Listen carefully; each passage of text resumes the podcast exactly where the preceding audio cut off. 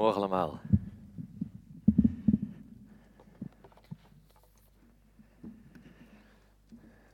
Mijn naam is Matthijs de Man en uh, ik mag van jullie, uh, met uh, jullie vanochtend wat delen.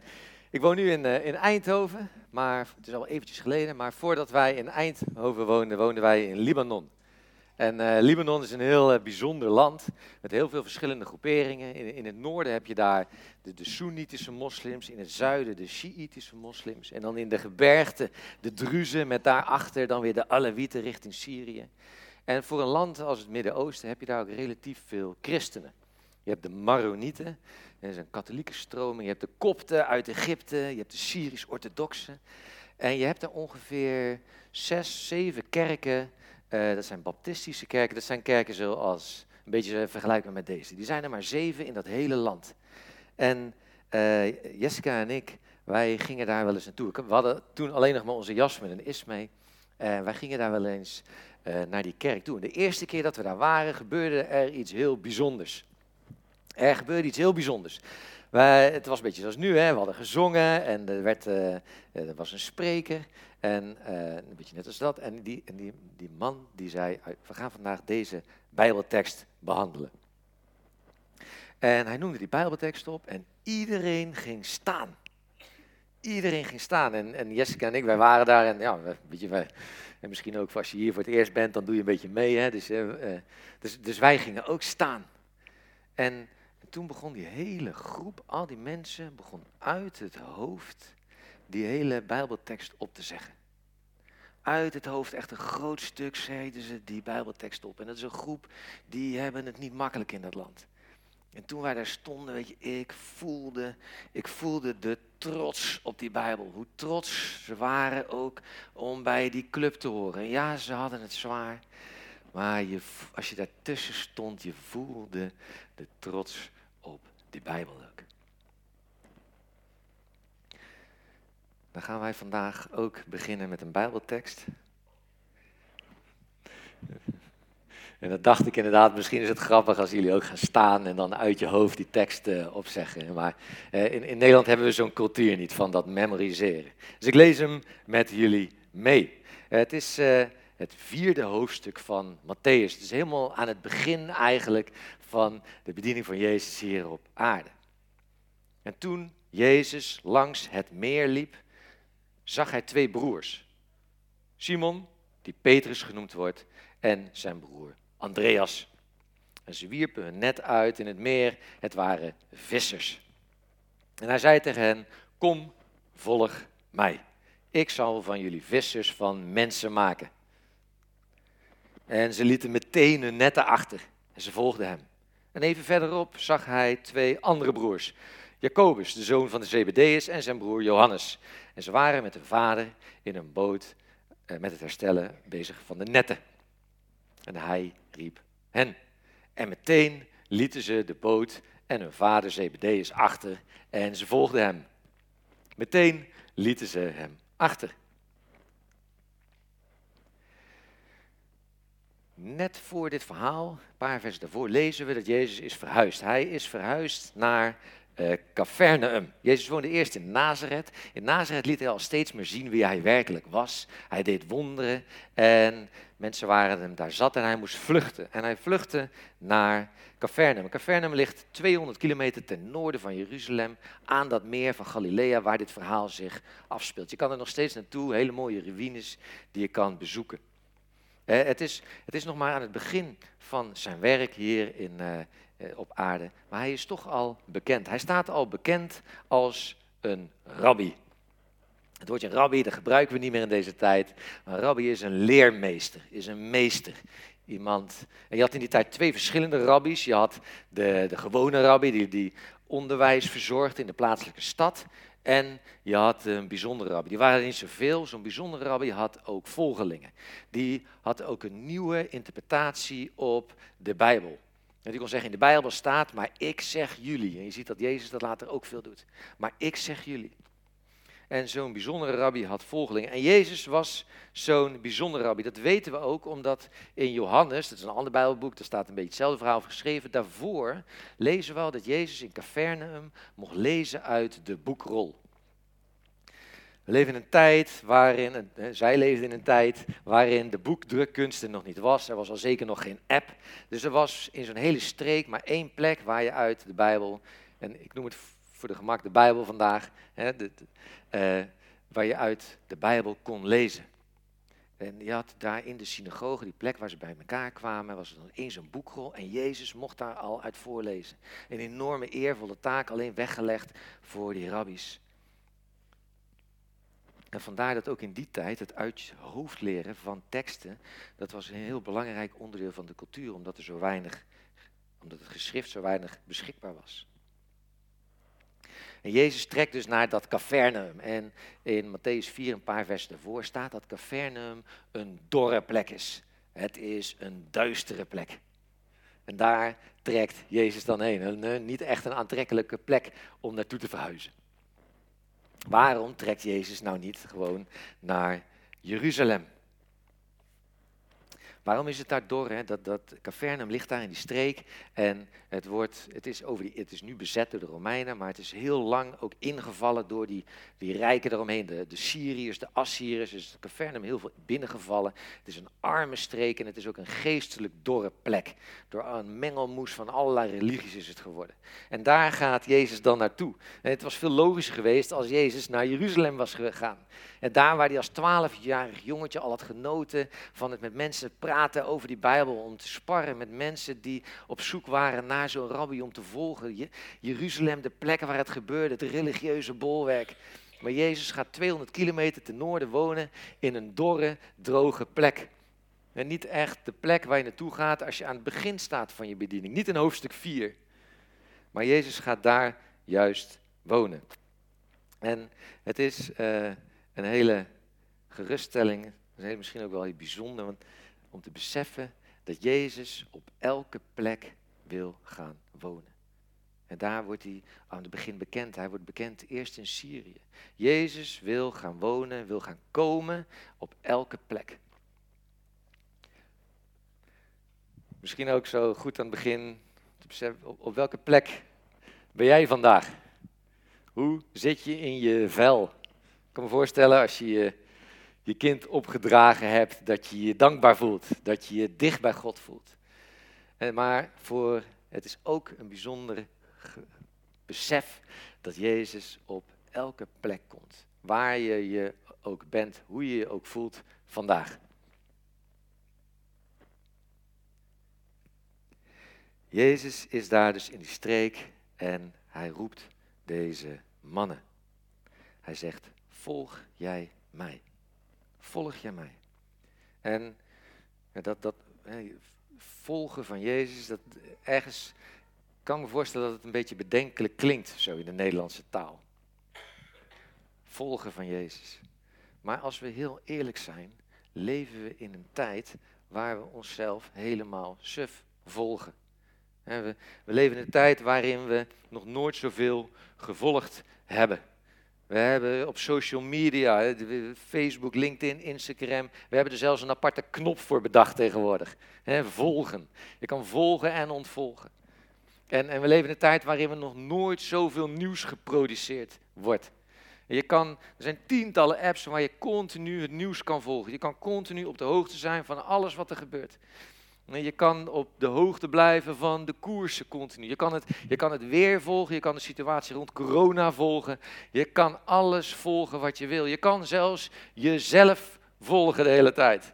En je kan precies aan het einde weten van hoeveel stappen je gezet hebt, waar je bent geweest. Aan het eind van de maand krijg je van Teams een bericht hè, hoeveel tijd je met wie vergaderd hebt en hoeveel focustijd je gehad hebt.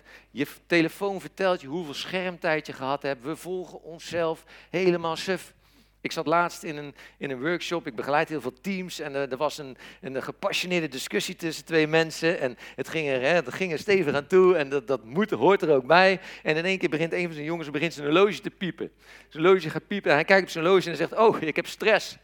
Ik, ik moet even stoppen. we volgen onszelf helemaal suf.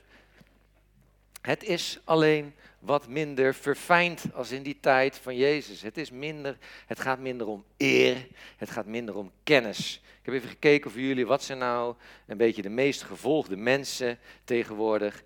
dat zijn voetballers, dat zijn knappe vrouwen, dat zijn vrouwen die goed kunnen zingen. Dat zijn de mensen die we tegenwoordig volgen. En daarom een goede vraag deze ochtend. Wie volg jij nou? Door wie laat jij je inspireren? Wat zijn mensen waar je je aan op kan trekken, waar je nog van kan leren? Waar stop je je tijd in en wat voor filmpjes kijk je?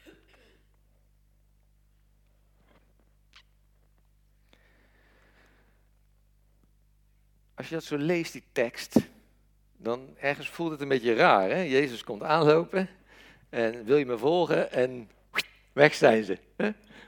Ik kan me voorstellen dat die vader dacht van... Maar wat ik al zei, Jezus was geen vreemde voor die mannen. Ze wisten al, dit is zo'n bijzondere rabbi. Dat is die man die hier al, die nieuw is, maar die altijd de boeken om mag lezen. Misschien leuk, ik, ik vind het leuk, eh, om, om wat uit te leggen. Hoe ging dat nou met zo'n rabbi in die tijd? Hoe ging dat nou in die Joodse cultuur? Het onderwijs uit de Bijbel, uit de Torah, was geen optie. Dat was niet een soort luxe, daar ging iedereen, dat was het hoogst haalbare om daarmee bezig te zijn. Alle jongens van zes, ja, het was in de tijd dat de jongens nog alleen naar school gingen, maar alle jongens van zes tot tien gingen naar, de, naar school om daar met die Bijbel bezig te zijn. je had dan verschillende niveaus. Dus van je zesde tot je tiende ging je dan naar de, je Bijbelschool. En als die jongens daarvan afkwamen van die school, kenden ze de eerste vijf Bijbelboeken volledig uit hun hoofd. Tienjarige kinderen kenden die vijf eerste Bijbelboeken volledig uit hun hoofd. En daarna ging je door naar het volgende niveau. Dat was het bed Talmud, het lerenhuis. Bij Talmud, daar ging je dan heen. En daar ging je verder met bezig zijn met die Bijbel. En ze leerden steeds meer Bijbelboeken uit hun hoofd, maar het ging ook om, snappen ze nou wat er stond? En, en vragen stellen, kritisch nadenken. En als je daar van die school afkwam als 14-jarige, dan kende je het hele Oude Testament uit je hoofd. 39 volledige Bijbelboeken kende je uit je hoofd. Ik weet niet of we, of we 14-jarige mensen in de zaal hebben. Maar kan je het je voorstellen, 39 boeken uit je hoofd leren? Nou, dat, dat was ook alleen maar weggelegd voor de aller, allerbeste studenten. En, en onderweg vielen er heel veel studenten af. En daar werd dan tegen gezegd, en ga nou terug, ga terug naar je vader en leer daar het vak hè, wat in de familie is. Dan dat kon je de traditie van je familie doorzetten. Degenen die het wel haalden, alleen de aller, allerbeste, gingen op zoek naar een rabbi, zo'n bijzondere rabbi, om dan te volgen. Die gingen bij zo'n bijzondere rabbi in de leer. Dat was het volgende niveau wat er was in die tijd. Dat heette bij het madras, het huis van de studie. En dat was vanaf 14. En je moest dan gaan solliciteren bij zo'n rabbi. Dus je ging daar, eh, ging op zoek naar zo iemand die je wilde volgen. En je voorbereiden op dat sollicitatiegesprek. Ik weet niet of jullie wel eens een, een heel belangrijk sollicitatiegesprek hebben gehad. Of, of een toets waar je lang naartoe leeft. Maar deze jonge mannen hadden hier tien jaar naartoe geleefd.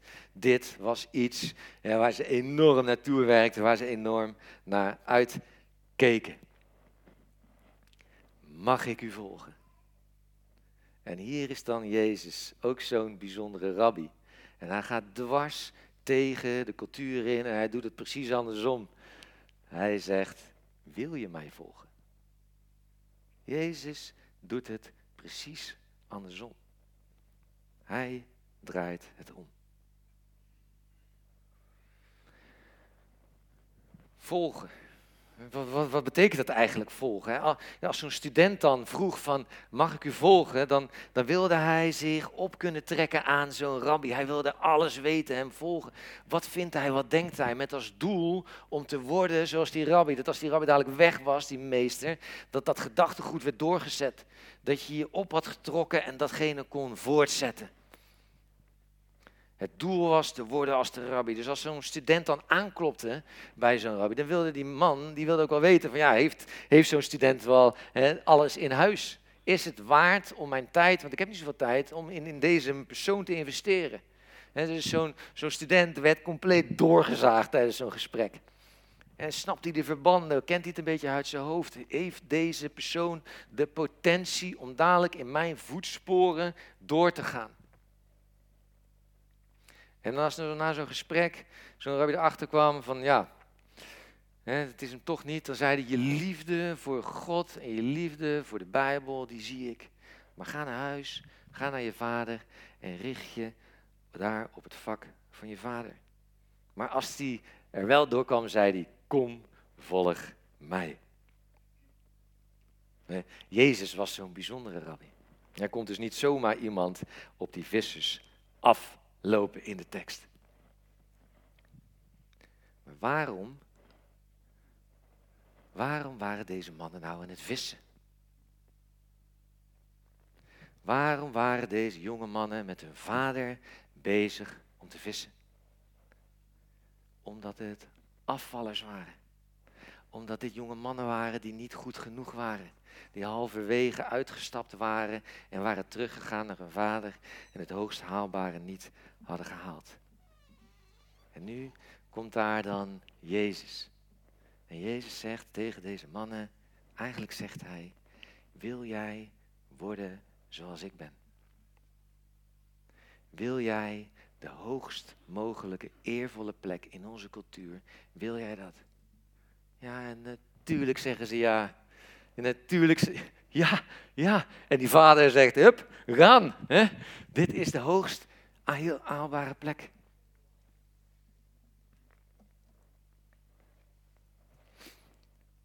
Ik zei al dat uh, wij in het Midden-Oosten wonen en wij gingen daar naartoe om vluchtelingenwerk te doen, om ontwikkelingshulp te verlenen. En dat deden, we, dat deden we. Maar we waren ook altijd op zoek naar mensen die meer wilden weten over Jezus. Als, je, dat hier in Eindhoven graag wil, dan kan je komen naar het Evaluon, naar de Stadskerk. Maar in die culturen ligt dat allemaal heel gevoelig. En we deden dat niet alleen. We waren met vijf andere stellen, Amerikaanse stellen. En we waren daar aan het werk. En we gingen de eerste twee jaar gingen we ochtends naar de talenschool om Arabisch te leren. Uh, dan ziet Arabisch er heel makkelijk uit, maar dat valt nog niet mee. En uh, ja, wij gingen daar met die stellen naartoe. Elke ochtend kregen we daar les. En ik vond studeren altijd heel leuk. Ik vond school leuk, maar ik was ergens vergeten dat ik niet zo goed was in uh, buitenlandse talen. Dus van al die gasten, die gingen allemaal als een speer en ik kon het gewoon echt voor. Ik stapte zo, ik stopte, ik, ik zoveel geïnvesteerd, maar ik was echt niet best. En, en iedereen maar praten. En mijn vrouw, weet je, die ging als een speer met iedereen kletsen. En nog steeds kan zij heel goed Arabisch. En ik, bakte, ik klonk als een kleuter. En ik hou, dat zou je misschien nou merken, ik hou ook wel van praten. Hè? Maar ik klonk als een kleuter. En uh, dat is toch wel moeilijk hè, als je dat vier jaar lang probeert en daar alles voor op hebt gegeven. Dat was worstelen. Maar het bijzondere was dat ik was de eerste van die groep die iemand ontmoette die meer wilde weten over Jezus. En, en later was ik vaak degene die mensen ontmoette en mijn vrienden sloten dan aan. Dus, dus voor eigenlijk, hè, op het eerste gebied voor school, daar was ik de slechtste, presteerde ik niet. Maar voor de dingen die echt van waarde waren, waar we echt energie voor kregen, waar we echt dankbaar voor waren, daar ging het juist supergoed. God had geen last van mijn onkunde. God had daar geen last van. En ik had ook geen last van trots. Ik wist, dit komt niet door mij. Maar voel je wel eens dat je tekort schiet? Voel je wel eens dat je, dat je baalt, dat je je schaamt, dat je had gehoopt dat het anders was? En misschien juist wel in een tijd waar we zoveel mensen volgen hè, op social media. Waar baal je nou van?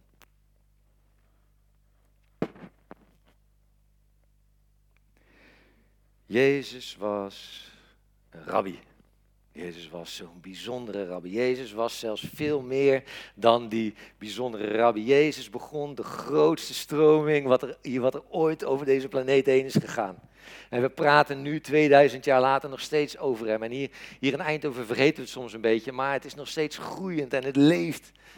Jezus was zo'n meest een. Maar Jezus legde zijn leven af. Jezus diende. Jezus liet zichzelf kruisigen. Hij liet zichzelf kruisigen. Maar hij stond op uit de dood. Jezus stond op uit de dood. Hij overwon het kwaad. En, en, en Jezus bleef niet op de, boel, eh, op de aarde achter om dan de boel een beetje te blijven organiseren en te regelen. Nee, hij ging door naar zijn discipelen. Naar, hij ging naar zijn discipelen, naar die, die mannen die hem gevolgd waren. En hij zei, nu is het jullie taak. En jullie zijn Jullie moeten worden zoals de rabbi. Dat was het doel waar we mee dit begonnen zijn. En ga nou over die aarde en maak iedereen tot mijn volgeling. Maak iedereen tot mijn volgeling. En daarom kunnen we nu vandaag ook nog in Eindhoven zeggen dat Jezus tegen ons allemaal zegt: Wil je mij volgen? Een uitnodiging. Wil je mij volgen? Wil jij worden zoals de rabbi? Wil jij zijn zoals de rabbi. Want, zegt Jezus, ik heb zoveel meer. Ik heb zoveel meer dan vissen. Ik heb zoveel meer dan alleen maar werk. Ik heb zoveel meer dan, dan voetbal. Ik heb zoveel meer dan knap zijn. Ik heb het, ik heb het eeuwige perspectief voor je. Ik heb de, de volheid van het leven voor je. En dat is niet iets wat we dan zelf mogen gaan verdienen, want Jezus die draaide die rollen om. En Jezus zegt, ik hou van jou voordat jij van mij houdt. Voordat je beseft hoe groot ik ben. En Jezus zegt, ik wil, volg mij voordat wij beseffen van wie is God eigenlijk en wil ik hem volgen. En als je daar dan ja op zegt, dan is dat een hele nieuwe jas die je aantrekt. Het is een heel nieuw leven. Het is iets wat, wat, wat over alles gaat, waar je mee opstaat, waar je mee naar bed gaat.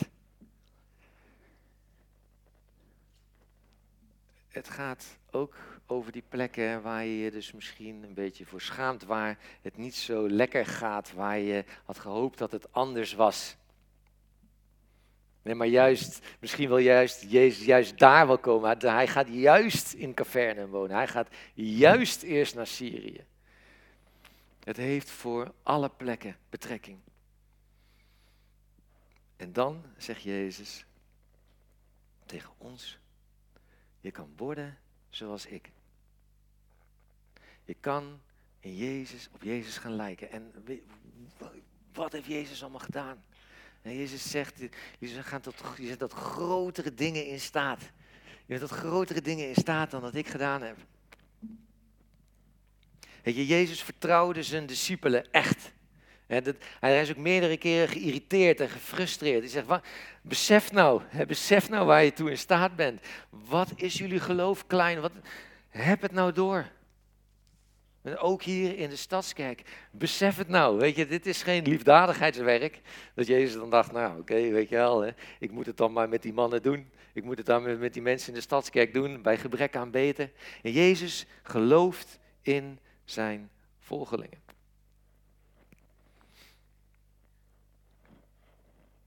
En eh, toch altijd, als, je dat, als ik het zeg, ik weet niet of je dat herkent, dan voelt ergens voelt het toch ook oneerbiedig.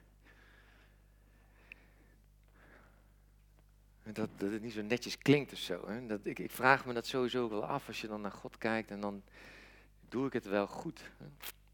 Doe ik, doe ik überhaupt wel genoeg? Ben ik goed genoeg? Ik heb lang mee nagedacht van wat zijn eigenlijk de regels en, en hoe moet ik daar dan aan voldoen? En daarom is het goed om terug te gaan altijd naar die allereerste vraag. Die allereerste vraag die Jezus stelt. Wil je mij volgen? Wil je mijn discipel zijn? Jullie mogen komen. Wil je mijn discipel zijn? Om dan mijn werk voor te zetten. Om te worden zoals Jezus. Dat Jezus tegen ons zegt, jij bent geen afvaller. Jij voldoet wel. Wij mogen ons best doen. Ja, we mogen ons best doen om de allerbeste vader of de allerbeste moeder of opa en oma te zijn. Mogen ons best doen om dichter bij God te leven. Maar het is ook een geweldig besef om te weten dat het omgekeerd is en dat God zijn best voor ons doet. Wij mogen op God vertrouwen. We mogen geloven dat hij ons helpt. We mogen geloven dat God ons kracht geeft. Maar het is ook een geweldig besef om te weten dat God in ons gelooft. En dat God ons kracht wil geven. De rabbi gelooft in zijn discipelen. De rabbi gelooft in jou. En dat is soms een worsteling, daar gaan we over zingen. Dat soms worstelen, voldoe ik als ik naar de mensen kijk, voldoe ik als ik naar God kijk. En dat God daar dan dat erop antwoordt en zegt, ja, ik geloof in mijn volgelingen. We gaan zingen en zullen we allemaal weer teruggaan naar die vraag die Jezus aan je stelt. Wil je mij volgen? En over nadenken of je hem wil volgen of dichter op hem wil leven, dichter bij hem wil zijn.